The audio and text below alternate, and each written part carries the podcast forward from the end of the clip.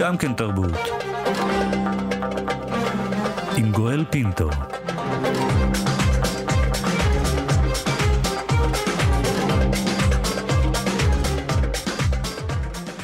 תחום ההייטק, כמו גם העובדים בו, זוכה לביקורת רבה בשבועות האחרונים. בלב הביקורת היווצרותו של מעמד חברתי חדש בישראל, מעמד ההייטקיסטים. בשבוע האחרון למשל למדנו אה, שבשנה החולפת, כששכבות רבות באוכלוסייה שקעו בחובות הפנדמיה, 30% מהדירות שנמכרו, נמכרו להייטקיסטים. עוד כותרת שפורסמה בעיתונים הכלכליים, ישראל הצטרפה לאחרונה לדירוג 20 המדינות בעלות התוצר הגולמי לנפש הגבוה בעולם. אנחנו במקום השני ברשימת המיליארדרים לנפש. כך אה, פורסם בגלובס. בשנה וחצי האחרונות, שוב, כשכולנו שגן, שקענו אל תוך מגפה עולמית, אלפי עובדי הייטק מימשו או מכרו מניות בסכומי עתק. הערכה מדברת על אלפי עובדים בתחום שהתחלקו בכחמישה מיליארד דולרים בהנפקות 2020. עוד רגע האופציות של 2021 יגיעו, גם שם יהיו מיליארדים רבים נוספים. הכותרות הכלכליות האלה שפרסתי בפניכם לפעמים נשמעות בלתי מובנות, אבל הן מתרגמות לעולם האמיתי. למי יש, למי אין, מי קונה דירה, מי מפונה ממנה, מי עבר את המגפה עם פואגרה ומי עם חובות למשפחה. נדבר על המעמד החדש הזה, על ההשפעה שלו על החברה הישראלית. נעשה זאת עם הדוקטור מיכל פרנקל מהאוניברסיטה העברית. בוקר טוב לך, תודה שאת נמצאת איתנו הבוקר. בוקר טוב. ולצידך שאול אולמרט, יזם הייטק ומחבר הספר מוכרי החלומות. שלום שאול, תודה שאתה איתנו. אהלן, בוקר טוב. הדוקטור פרנקל, נתחיל איתך ברשותך. מהו אותו מעמד עליו מדובר שנוצר ככה מבלי ששמנו לב, הפרופסור? אני חושבת שאמרת הכל. זו קבוצה אה, שברובה היא גם מאוד צעירה. יש לה סוג של השכלה שהוא ברובו השכלה טכנולוגית, ובהקשר של תרבות כמובן, אה, זו השכלה שאין בה רוחב יריעה תרבותי, כמו שאנחנו בדרך כלל תופסים את זה, זה כמובן הכללה גסה. אה, ו- ובאמת אה, אנחנו יכולים להגיד שני דברים על הקבוצה הזאת שרלוונטיים לנו. אחד זה שההכנסה שלה מאוד גבוהה, mm-hmm. ושנית זה שהמעסיקים מתחרים על הקבוצה הזאת, על, על העובדים מהקבוצה הזאת, ולכן אה, גם אה, מפנקים אותה מאוד אה, מבחינת ההיבטים התרבותיים mm-hmm. שמוצעים להם, הן מבחינת כמובן כרטיסי המזון, אבל גם רכישת הופעות ו- וכל מיני דברים כאלה. אז זו, זה באמת מעמד חדש, מעמד מאוד חזק, שהוא מעמד במובן הכלכלי, במובן של אה, אה, נגיד, אה, אצלנו הסוציולוגים, מקס ובר מדבר על, על סיכוי בשוק, זו קבוצה שיש לה סיכוי מאוד מאוד גבוה בשוק, ולכן היא נהנית. מהערכה והערצה. נרחבים בחברה שלנו. כן, זה גם משהו עם סימן שאלה נורא גדול, נכון? משהו כמעט מיסטי, אפילו מאוד סקסי. מה אתה עושה? אני בהייטק. אנחנו אפילו לא מבינים מה הם עושים שם, או אנחנו לא מבינים בוודאי את הז'רגון שלהם או הטרמינולוגיה שלהם, אבל זה מין משהו כזה אה, גדול יותר מכולנו. אנחנו כבר הגענו, אה, הגענו לאיזשהו מצב, הפרופסור פרנקל, למעמד נמוך, מעמד ביניים, מעמד הייטקיסטים ומעמד גבוה, נכון? הם כבר מספר מספר שתיים ברשימה. אה, אני חושבת שכמו שציינת, המיליארדרים הישראלים רובם באים מהענף הזה, אז אה, אני, לא חושב, אני חושבת שזה המעמד הגבוה אה, כרגע, לפחות בישראל. צריך לשים לצידם את אנשי הפייננס. Mm-hmm. במידה רבה, וגם אנחנו רואים טשטוש גדול בין שתי הקבוצות האלה. מה שאנחנו יכולים לאפיין אותם, וזה מאוד מאוד חשוב, למרות שבערך 30 אחוז מעובדי ההייטק הם נשים, אה, בישראל, אה, המעמד הזה הוא מעמד מאוד גברי, mm-hmm. כמעמד מדומיין, כ, כ, כקבוצה תרבותית, כקבוצה שיש לה אה, משמעות תרבותית, כקבוצה שהיא גיבורת תרבות, היא מאוד מאוד גברית, ובקצה העליון של העולם ההייטקיסטי כמובן יש הרבה הרבה הרבה יותר גברים מאשר נשים. מאשר נשים. אז, אה, אנחנו מדמיינים אותם אה, כגברים, וכגברים צעירים. למרות שהמיליארדרים ברובם לא כל כך צעירים. אני אשאל אותך אה, עוד מעט, הפרופסור פרנקל, אה, ברשותך, על ההשפעה שלנו, אה, של כל אחד מאיתנו, עם היווצרותו של המעמד החדש הזה, אבל אני רוצה לעבור אליך, ברשותך, שאול אולמרט, כאמור יזם הייטק ומחבר הספר מוכרי החלומות. לתחושתי, חשבתי על זה אתמול בערב, כאשר הייתי עם עצמי, שהתחילו לשים עליכם עין, לשים עין על הקבוצה הזו, דווקא עם סיפור NSO. פתאום הבנו שאולי לא הכל אה, יפה ונקי בעולם שלכם. אז אנחנו באמת חיים באיזושהי מציאות בחברה הישראלית שבה השיח הוא תמיד מאוד קיצוני. זה או רק משהו או רק לא משהו. ואני דווקא רוצה לדבר על, ה, על תחום הביניים, לא על מקרי הקיצון כמו NSO או מקומות שבהם יש שאלות לגבי התנהלות אתית ואפילו חוקית, אה, פגיעה פוטנציאלית בזכויות אדם וסיוע למשטרים דיקטטוריים, דברים מאוד מאוד גדולים ומאוד חריגים וקיצוניים, אלא על הדברים היותר יומיומיים שמשפיעים באמת על החיים של כולנו. אמרה אה, הפרופסור פרנקל שבהייטק יש הרבה פנוקים לעובדים. אה, אני חושב שזה מאוד נכון, וזה על פניו לא דבר רע. Mm-hmm. אני חושב שלהפך, עדיף אולי שתעשיות אחרות או מגזרים אחרים במשק ינסו לאבד חלק מהסטנדרטים. הלוואי שגם לי יהיה, כן. נכון. מצד שני, אה, אני מודה במבוכה גדולה. נעתי באי נוחות כשהקראת את הסטטיסטיקות בפתיח לשיח שלנו, נוצרת כאן איזושהי בועה, איזושהי דיספרופורציה שאני חושב שהוא מעיד על חוסר רגישות קיצוני כלפי החברה שבה אנחנו חיים, ומייצר קיטוב בלתי נסבל, אה, שגם אין בו צורך. זאת אומרת, תעשיית ההייטק מגיעה למעמד שלה ויכולה לאפשר את התנאים המופלגים האלה לעובדיה בזכות זה שהיא מייצרת ערך כלכלי, ויש לה אה, תרומה נהדרת לתשתיות בחברה ולמוביליות חברתית ולהרבה ערכים שכולנו, אני בטוח, מאוד מזדהים איתם ומאוד גאים בהם. אבל לצד זה נוצרה כאן איזושהי, אה, כאמור, דיספרופורציה, mm-hmm. שבה באמת אה, יש הבדל בין לתגמל עובדים בצורה ראויה ולהעניק להם כל מיני הטבות והתייחסויות ראויות, לבין איזשהו הדוניזם אקספטיוניזם, אני מתנצל שאני לא, mm-hmm. לא מכיר את המונחים בעברית, זה עוד אה, סימפטום של הרבה שנים בתעשיית כן, ההייטק. כן.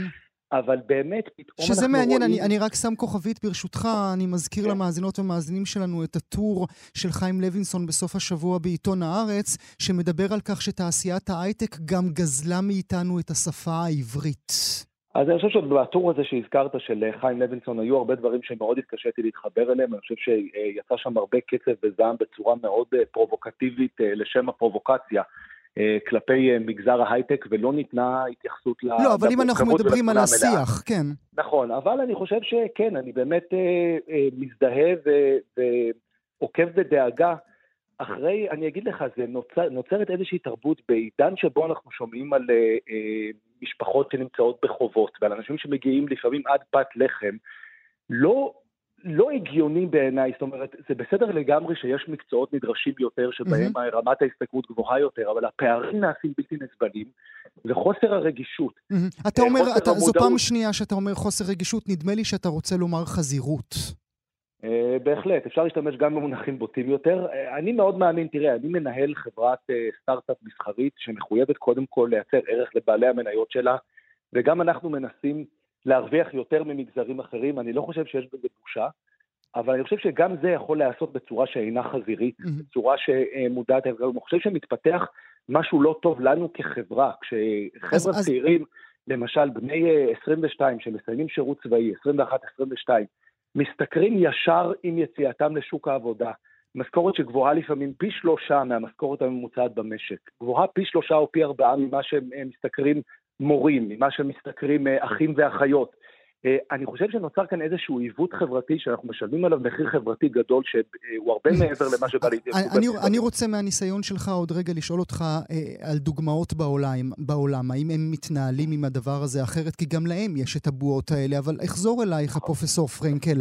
אל מי אנחנו בעצם באים בתלונה? על מי אנחנו מלינים? הרי יש לנו עכשיו ראש ממשלה שבמשך שנים בלבל לנו את המוח על אומת ההייטק ועל מתמטיקה ומתמטיקה. היה לנו נשיא... הנשיא כבר לפני 20 שנים, הנשיא פרס, שגם הוא דיבר במונחים של זה מה שתעשו, זה מה שאתם צריכים לעשות. אז הם באו והם עשו, והם מרוויחים מיליונים.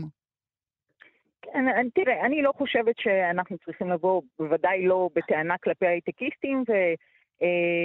גם מה שול אמר, הרעיון הזה שאנחנו צריכים להתלונן אל ילדים בני ה-22 שמרוויחים פי שלוש מהמשכורת הממוצעת, החזירות היא לא שלהם. Mm-hmm. אני חושבת שכל הסיפור של ההייטק בהקשר הזה, צריך לשים אותו בתוך ההקשר הכללי של גלובליזציה. זאת אומרת, לא ההייטק אשם בזה שאנחנו לא מדברים עברית, אלא תהליכי הגלובליזציה שההייטק הוא כמובן חלק מהם, אבל החזירות באה מהניאו-ליברליזם. אנחנו חיים בעולם שבו כסף הוא חזות כל.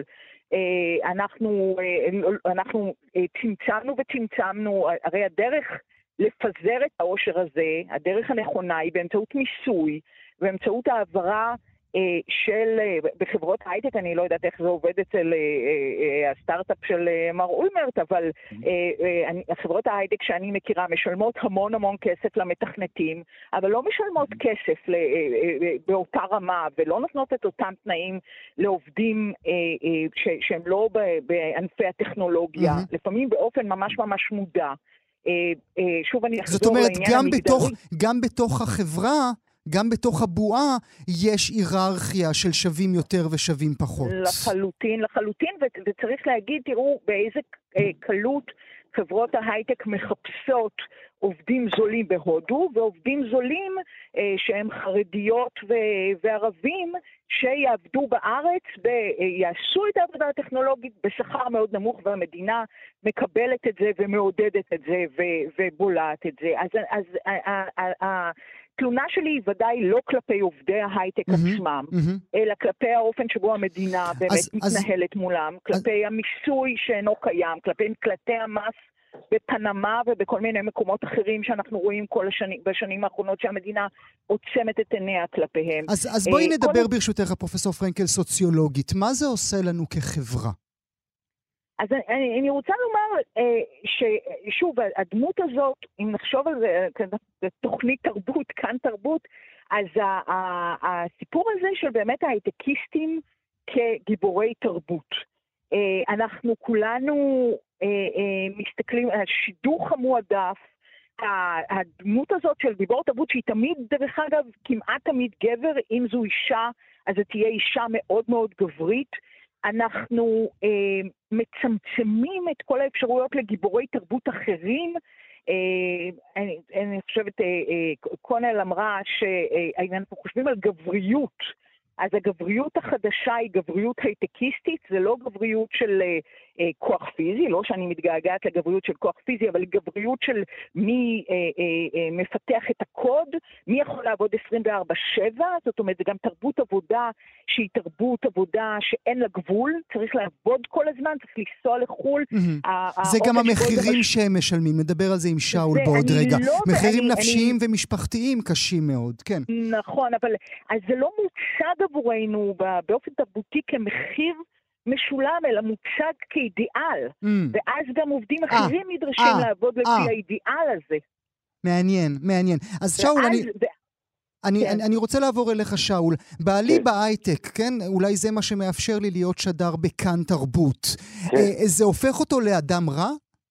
חלילה, אבל uh, אני חושב גם שהדאגה שהביע uh, פרופסור פנקי לגבי העובדים, בעובדי מגזר ההייטק שאינם uh, אנשי פיתוח, uh, היא מוגזמת. גם הם uh, זוכים לתנאים מפליגים ומצבם מצוין.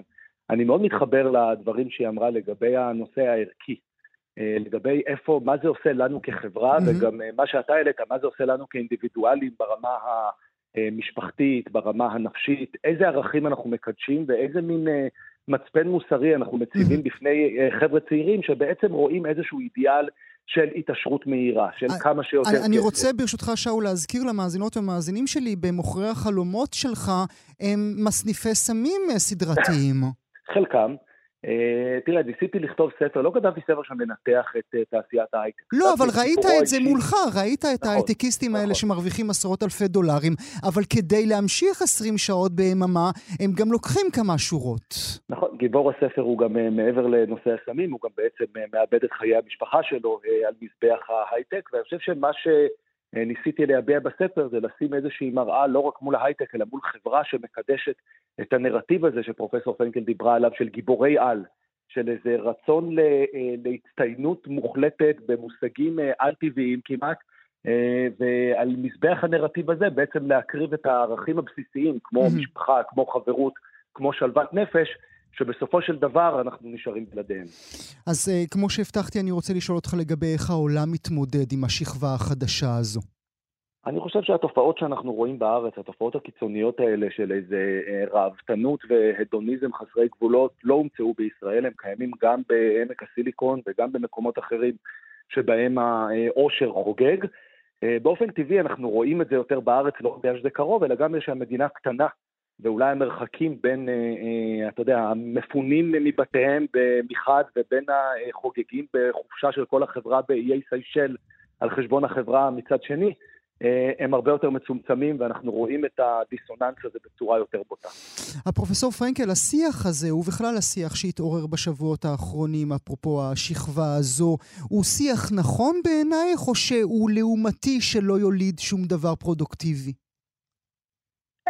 אני חושבת שהוא, אה, אה, אני, אני רוצה לקוות שאנחנו מפתחים איזושהי אה, ביקורת, לא, לא, כמובן נגד NSO אני חושבת שצריכה להיות ביקורת, ושאלות המוסריות הן כמובן חריפות מאוד, והכסף שמסמא את עינינו צריך להיות ביקורתי כלפיו, אני לא חושבת שזה, אני מקווה שהשיח, ועם הקורונה, אני מקווה שהשיח יהיה יותר ביקורתי להתמכרות שלנו, גם לכסף וגם לעבודה, אה, ושאני מקווה שהקורונה אה, הציבה בפנינו איזושהי מראה mm. אה, בפני רבים מאיתנו, גם רבים מאנשי ההייטק שאני מדברת איתם, אומרים, אוקיי, הבנתי, ההתמכרות שלי לסיפור הזה היא מיותרת, אז יכול להיות שאנחנו זזים שם מבחינת... את באמת מרגישה את זה, פרופסור פרנקל? אני רואה, אצלי בבית הוא ממשיך לעבוד כאילו אין יום ואין לילה.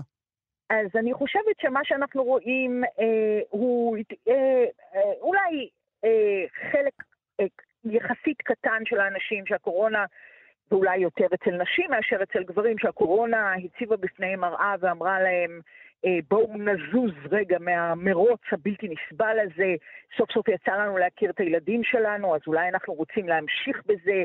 יש משמעות בדברים שהם לאו דווקא אה, אה, אה, כסף ועבודה מסביב לשעון ויוקרה ולהיות גיבור העל הזה.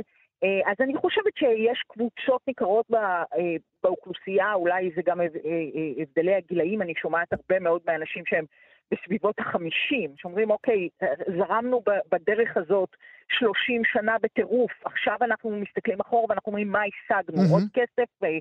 אז באמת יש כאן אה, אה, הרבה שאלות שצפות. אה, אה, אה, שוב, אני לא חושבת שצריך אה, למקד את זה בהייטק, אני חושבת שזה קפיטליזם ניאו-ליברלי בגדול. ההצגה של הכסף כחזות הכול. עכשיו, יש הרבה דברים בהייטק שהם נפלאים, הם מייצרים, הופכים את החיים שלנו ליותר קלים. יש הרבה מאוד דברים בהייטק שעשו המון המון כסף, בגלל שזו מערכת סגורה. אנחנו מעריצים את זה, אנחנו שמים את הכסף במניות, יש להם המון כסף. שזה מדהים פסיכולוגית, אנחנו מעריצים ושונאים כאחד. אה, כן, אני חושבת שהשנאה היא נחלתה, אה, נחלתה של קבוצה מאוד קטנה וביקורתית, ואני לא חושבת שההייטקיסטים נתקלים בשנאה גורפת בחברה בישראל, בחברה בישראל או בחברה, אה, אני אגיד במרכאות המערבית בכלל, אני חושבת שהם בגדול נערצים, אני חושבת שיש איים של, של כעס, שהוא כעס כלפי... כלפי העושר הקל ולא כלפי mm-hmm. התחום העיסוק שלהם. אבל אני דווקא רוצה לדבר שנייה על תחום העיסוק. הרי חלק ניכר ממה שהכסף העצום הזה שהולך, הולך לדברים שאני מסתכלת ואני אומרת, מה התרומה האמיתית שלהם לעולם? רק בתוך מערכת סגורה כזאת, שבה אנחנו כל הזמן נדרשים לכלים, אנחנו נשלם מיליארדים על איזה, עוד איזה כלי שעוזר לנו לנהל את, את היומיום שלנו, mm-hmm. אבל מיליארדים, בשביל mm-hmm. שהוא יעזור לנו לנהל את היומיום שלנו באיזו אפליקציה שבאמת הערך שלה הוא לא עצום, mm-hmm. אבל אנחנו, אנחנו כולנו כלואים באיזושהי מערכת סגורה כזאת, שאנחנו זה, מעריצים טכנולוגיה ולכן אנחנו שמים את הכסף שלנו mm-hmm. דרך הברוקרים שלנו בדבר הזה, ואז זה אה, מייצר באמת בועות. בועות. מטורללות לחלוטין, בועות מטורללות. אבל, אבל זה באמת, אני לא חושבת שמה שזה מייצר בסופו של דבר הוא שנאה כלפי הייטקיסטים, אני חושבת שהביקורת שלנו צריכה להיות מופנית כלפי המדינה וכלפי החברה, שלא דואגים להפוך את, ה, את הרווח הזה, שהוא רווח שאנחנו כולנו ייצרנו, אנחנו כולנו מחנכים את האנשים האלה, אנחנו כולנו מחזיקים את מערכת הניסוי שמאפשרת להייטק לפרוח. ואנחנו לא מקבלים את, אנחנו כחברה לא מקבלים את ההחזר. אולי... זה הדבר שאני חושבת שאנחנו צריכים להיות ביקורתיים. אולי, אולי אפילו סובלים מההחזר. לא, אני, אני הם רוצה, לא אחראים לזה. אני רוצה לסיים איתך, אה, שאול. אתה בחור כן. צעיר, אתה רק בן 46, ועשית ועשית. הכל יחסי. ועשית כן. ועשית ועשית. מה השגת כשאתה עושה חשבון נפש עם עצמך? אני אגיד שמאוד התחברתי לדברים של פרופסור פרנקל, אני שותף לאותה תקווה שאולי יהיה איזשהו... אה, תיקון שיבוא מאיתנו, שאנחנו נדע לתת סדרי עדיפויות אחרים.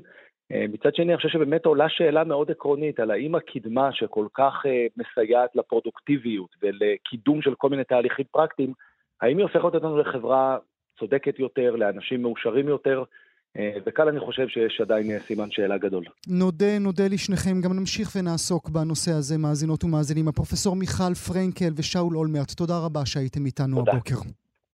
גם כן תרבות, עם גואל פינטו.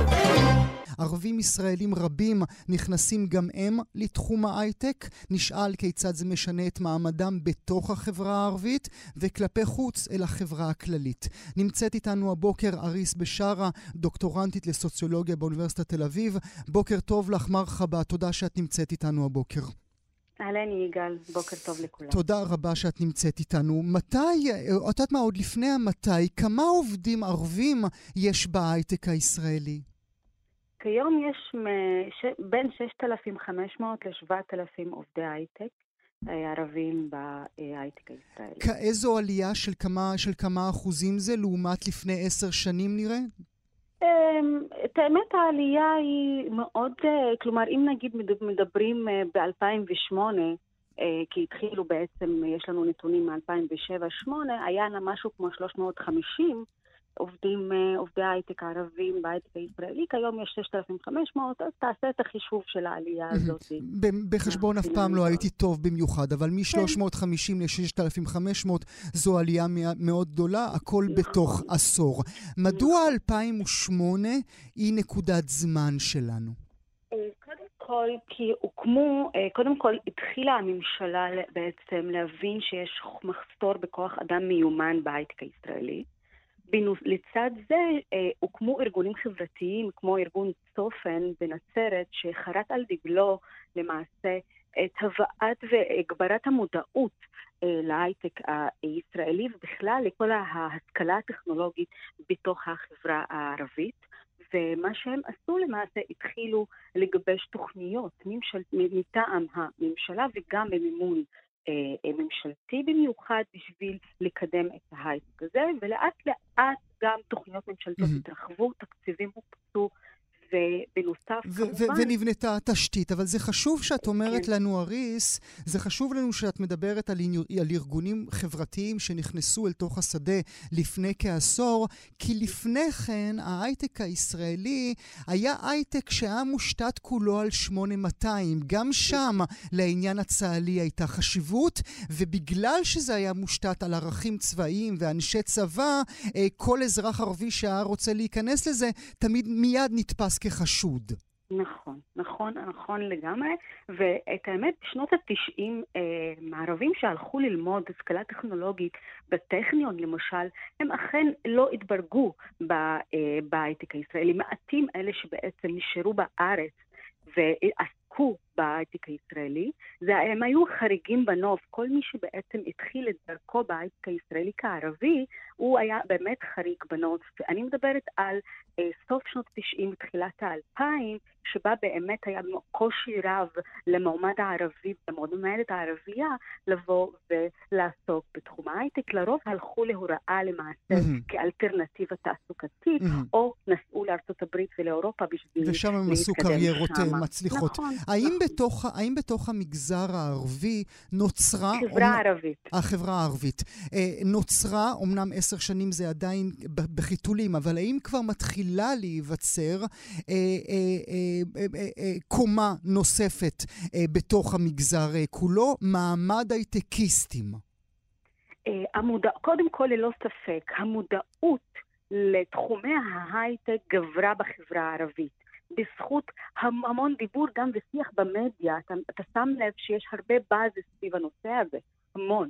גם בקרב אה, חברי כנסת אה, אה, וגם בקרב התעשייה אה, בתוך החברה הערבית, מהנדסים מהווים כרול מודל וגם הארגונים החברתיים. אז קודם כל כן נוצרת שכבה כזאת שקוראים לה The 40 Community, שהם בעצם חברה, שכבה חברתית חדשה שהיא צעירה ברובה, עם אה, השכלה טכנולוגית ברורה, עם אה, צרכים אה, ועם כמובן מעמד אחר, מעמד יוקרתי יותר. אולי צריך כמובן לשים את זה בערבון מוגבל, כי בכל, בכל אופן החברה הערבית מבחינה כלכלית, מעמדה הכלכלית, mm-hmm. הוא עדיין מאוד עגום. הוא מאוד נמוך, זאת אומרת שגם אם אתה רק קופץ בשתי מדרגות, כבר אתה נמצא מעל נכון, כולם. אבל אם, אם באמת נוצ, נוצר מעמד חדש בתוך החברה הערבית, במה הוא מתגשם? כיצד נראה המעמד הזה? קודם כל נראה אה, אה, בדילמות בין, עצמה, בין, אה, בין ערכים אינדיבידואליסטיים לערכים קולקטיביים.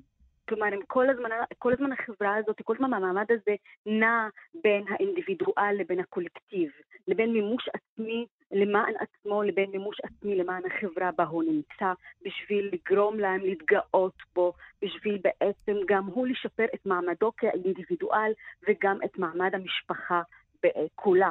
והדבר הזה מתבטא בהמון המון אה, אה, אה, פרקטיקות ותחושות ורגשות שהוא בעצם מיישם, אה, כמו למשל לעבוד באזור ספציפי או לחזור כל הזמן בשביל בעצם להישאר בחיק המשפחה, שזה, בחיק שזה, הקהילה שזה הדומה לו. אנחנו יודעים שההשפעות הנפשיות והמשפחתיות על כל עובדי ההייטק מאוד מאוד גדול, ולכן יש לנו כאן התנגשות, קלאש בין הרצון להיות חלק מהמשפחה, בוודאי, בוודאי כפי שזה נהוג בחברה הערבית, לבין החובה פתאום לעבוד 20 שעות ביממה.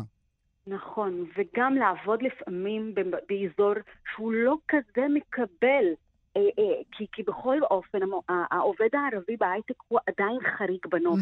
כלומר, החריגות מתבטאת גם בתוך הארגון וגם בסביבת הארגון, כי הארגון לא מנותק מהחברה בה הוא נמצא. כלומר, גם התרבות הארגונית וגם התרבות הכללית מגדירה את המעמד ורואה בו, רואה בעובד הערבי mm-hmm. כחריג בנוף, גם אם הוא עובד למשל בתל אביב, במקום הליברלי הזה, אבל עדיין למשל תל אביב, שהיא מעוז ההייטק הישראלי, עדיין עבור המועמד הערבי ועבור העובד הערבי, עדיין היא סביבה מנוכרת. שזה מעניין, אה, אריס, שאת אומרת את זה, את אומרת שהוא עדיין חריג בנוף, ואני באתי לשאול אותך, האם זה, האם העובדה שהעובד הערבי נמצא בתוך אה, אה, מעמד ההייטק, זה דווקא גורם לו לחיבור יתר לחברה הישראלית? אז התשובה היא אולי גם וגם. מצד אחד יש חיבור יתר, מצד שני, כשהוא נמצא ברמת החייל בחברה מפונפנת, הוא מרגיש יוצא דופן. נכון, ואני לא, ולדעתי כל הנושא הזה של uh, uh, מרגיש קרבה לחברה הישראלית, אני חושבת שהוא לא מרגיש קרבה יותר, uh, uh, יותר לחברה הישראלית, הוא מממש את האזרחות שלו בהייטק. כלומר, יש לו אזרחות שמאפשרת לו לעסוק בתחומים הללו. וה, ו, ו, והדבר הזה נותן לו איזושהי פריבילגיה על פני שכבות אחרות. בחברה הישראלית. וכשהוא צריך לבחור בין המשפחה אה, לבין המסורת, לבין ההתקדמות והעבודה בתחום כזה ליברלי, כמו שאמרת, אה, מה הוא עושה עם השאלה הזאת? אה, אה, הוא נע תמיד בין הלוקאלי לגלובלי, כי הייטק הוא חלק מהנוף הגלובלי. כלומר, יש פה משהו שהוא בינלאומי מאוד מאוד חזק במהות שלו בהייטק. כל המרכיב הבינלאומית והגלובליזציה. והמיעוט הזאת היא תמיד, אין בחירה. זה מה שהוא תמיד נמצא באיזשהו שלב לימינלי, וכל הזמן נע על הספקטרום הזה, או הסקאלה הזאת, אם אפשר להגיד, בין למעשה אה, הלוקאלי לגלובלי, ופחות בין המסורתי למודרני. כי ההתעסקות בדיכוטומיה הזאת היא כבר אה, אה, לא רלוונטית עבור המועמד הערבי, במעמד, עבוד, סליחה, העובד הערבי אה, אה, במעמד החדש. במעמד החדש. כשאת מדברת איתם, את שומעת על גזענות ממש? אה, כן, מה שמעניין זה ככל שאתה ותיק יותר בתחום ההייטק בתור ערבי, אתה חווה יותר גזענות.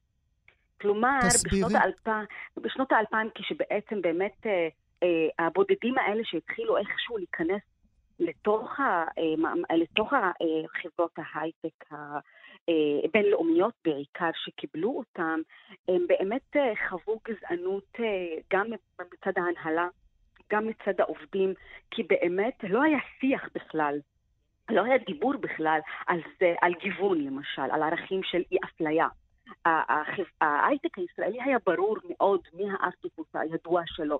הוא האשכנזי הלבן התל אביבי, ה-8200, כמו שאמרת. אז כלומר, כשבא מישהו, באה אישה למשל במיוחד, ערבייה למסדרונות חברה כלשהי בינלאומית, לראשונה, המבטים מתחילים בעצם, אפילו אחת, אני מצטטת מישהי אומרת לי, אני פשוט הולכת במסדרון, במסדרון וכל המבטים עליי, כאילו mm. נפלתי ממאדים. כלומר, היחס הזה, החריגות הזאת, היא זו שגורמת למעשה גם לגזענות. בנוסף, כמובן, לדיבורים על אה, מאיזה עדה את, אה, למה בכלל, אני לא ידעתי שיש ערבים בהייטק. Mm. כל, כל, כל השיח, הדיסקורסיביות הזאת שמתקיימת בתוך התרבות הארגונית ההייטקיסטית בתחילת שנות האלפיים, כשהתחילו לאט לאט אה, הערבים להיכנס לתוך ההייטק, אז זה היה מאוד מאוד בולט. כלומר, זה היה ממש בולט, והגזענות כמובן, אה, אה, של כמובן בכלל אי קבלה לעבודה, שזה גם כמובן אה, מתקיים mm-hmm. במלוא הדרו בכל מה שקשור לרעיונות עבודה ולסימון קורות חיים. נו, נסיים את השיחה החשובה הזו ברשותך בשאלה האם יש קשרים, כפי שאת מכירה אותם, בין חברות הייטק יהודיות לאלה ערביות, או שגם כן. שם יש אה, אה, אה, הפרדה. קודם כל, אף אחד לא מדבר על, על, על ה-linkages, הקשרים שמד... האלה, וגם הקשרים שמתקיימים בין ההייטק הישראלי להייטק הפלסטיני מעבר לקו הירוק. כלומר, יש פה אה, אה, קשרים אה, הדוקים, ויש פה קשרים עסקיים ברורים, ויש פה חברות שכרגע, שכיום מעסיקה לא רק כ-outsourcing, אלא ממש באופן ישיר אה, אה, אה, אה, עובדים פלסטינים מחברות הייטק פלסטינים ערביות, וגם פנים ערביות כמובן, גם פנים, סליחה, אה, מעניין. אה, ישראליות. אז, אז, אז היחסים הללו מתקיימים, כלומר, אנחנו לא מדברים עליהם, הם לא, הם לא, אולי נמצאים קצת פה ושם בכתבות, אבל הם נמצאים, וכמובן, יש כלפיהם הרבה הרבה ביקורת בגלל הנורמליזציה. בוודאי, משני הצדדים, משני הצדדים. נכון. תמיד זה, כמו שנאמר בסרט המצוין, לא פה, לא שם. נודה לך על השיחה החשובה הזו, אריז בשארה, דוקטורנטית לסוציולוגיה באוניברסיטת תל אביב. תודה שהיית איתנו הבוקר. בכיף, בכיף. גם כן תרבות, עם גואל פינטו.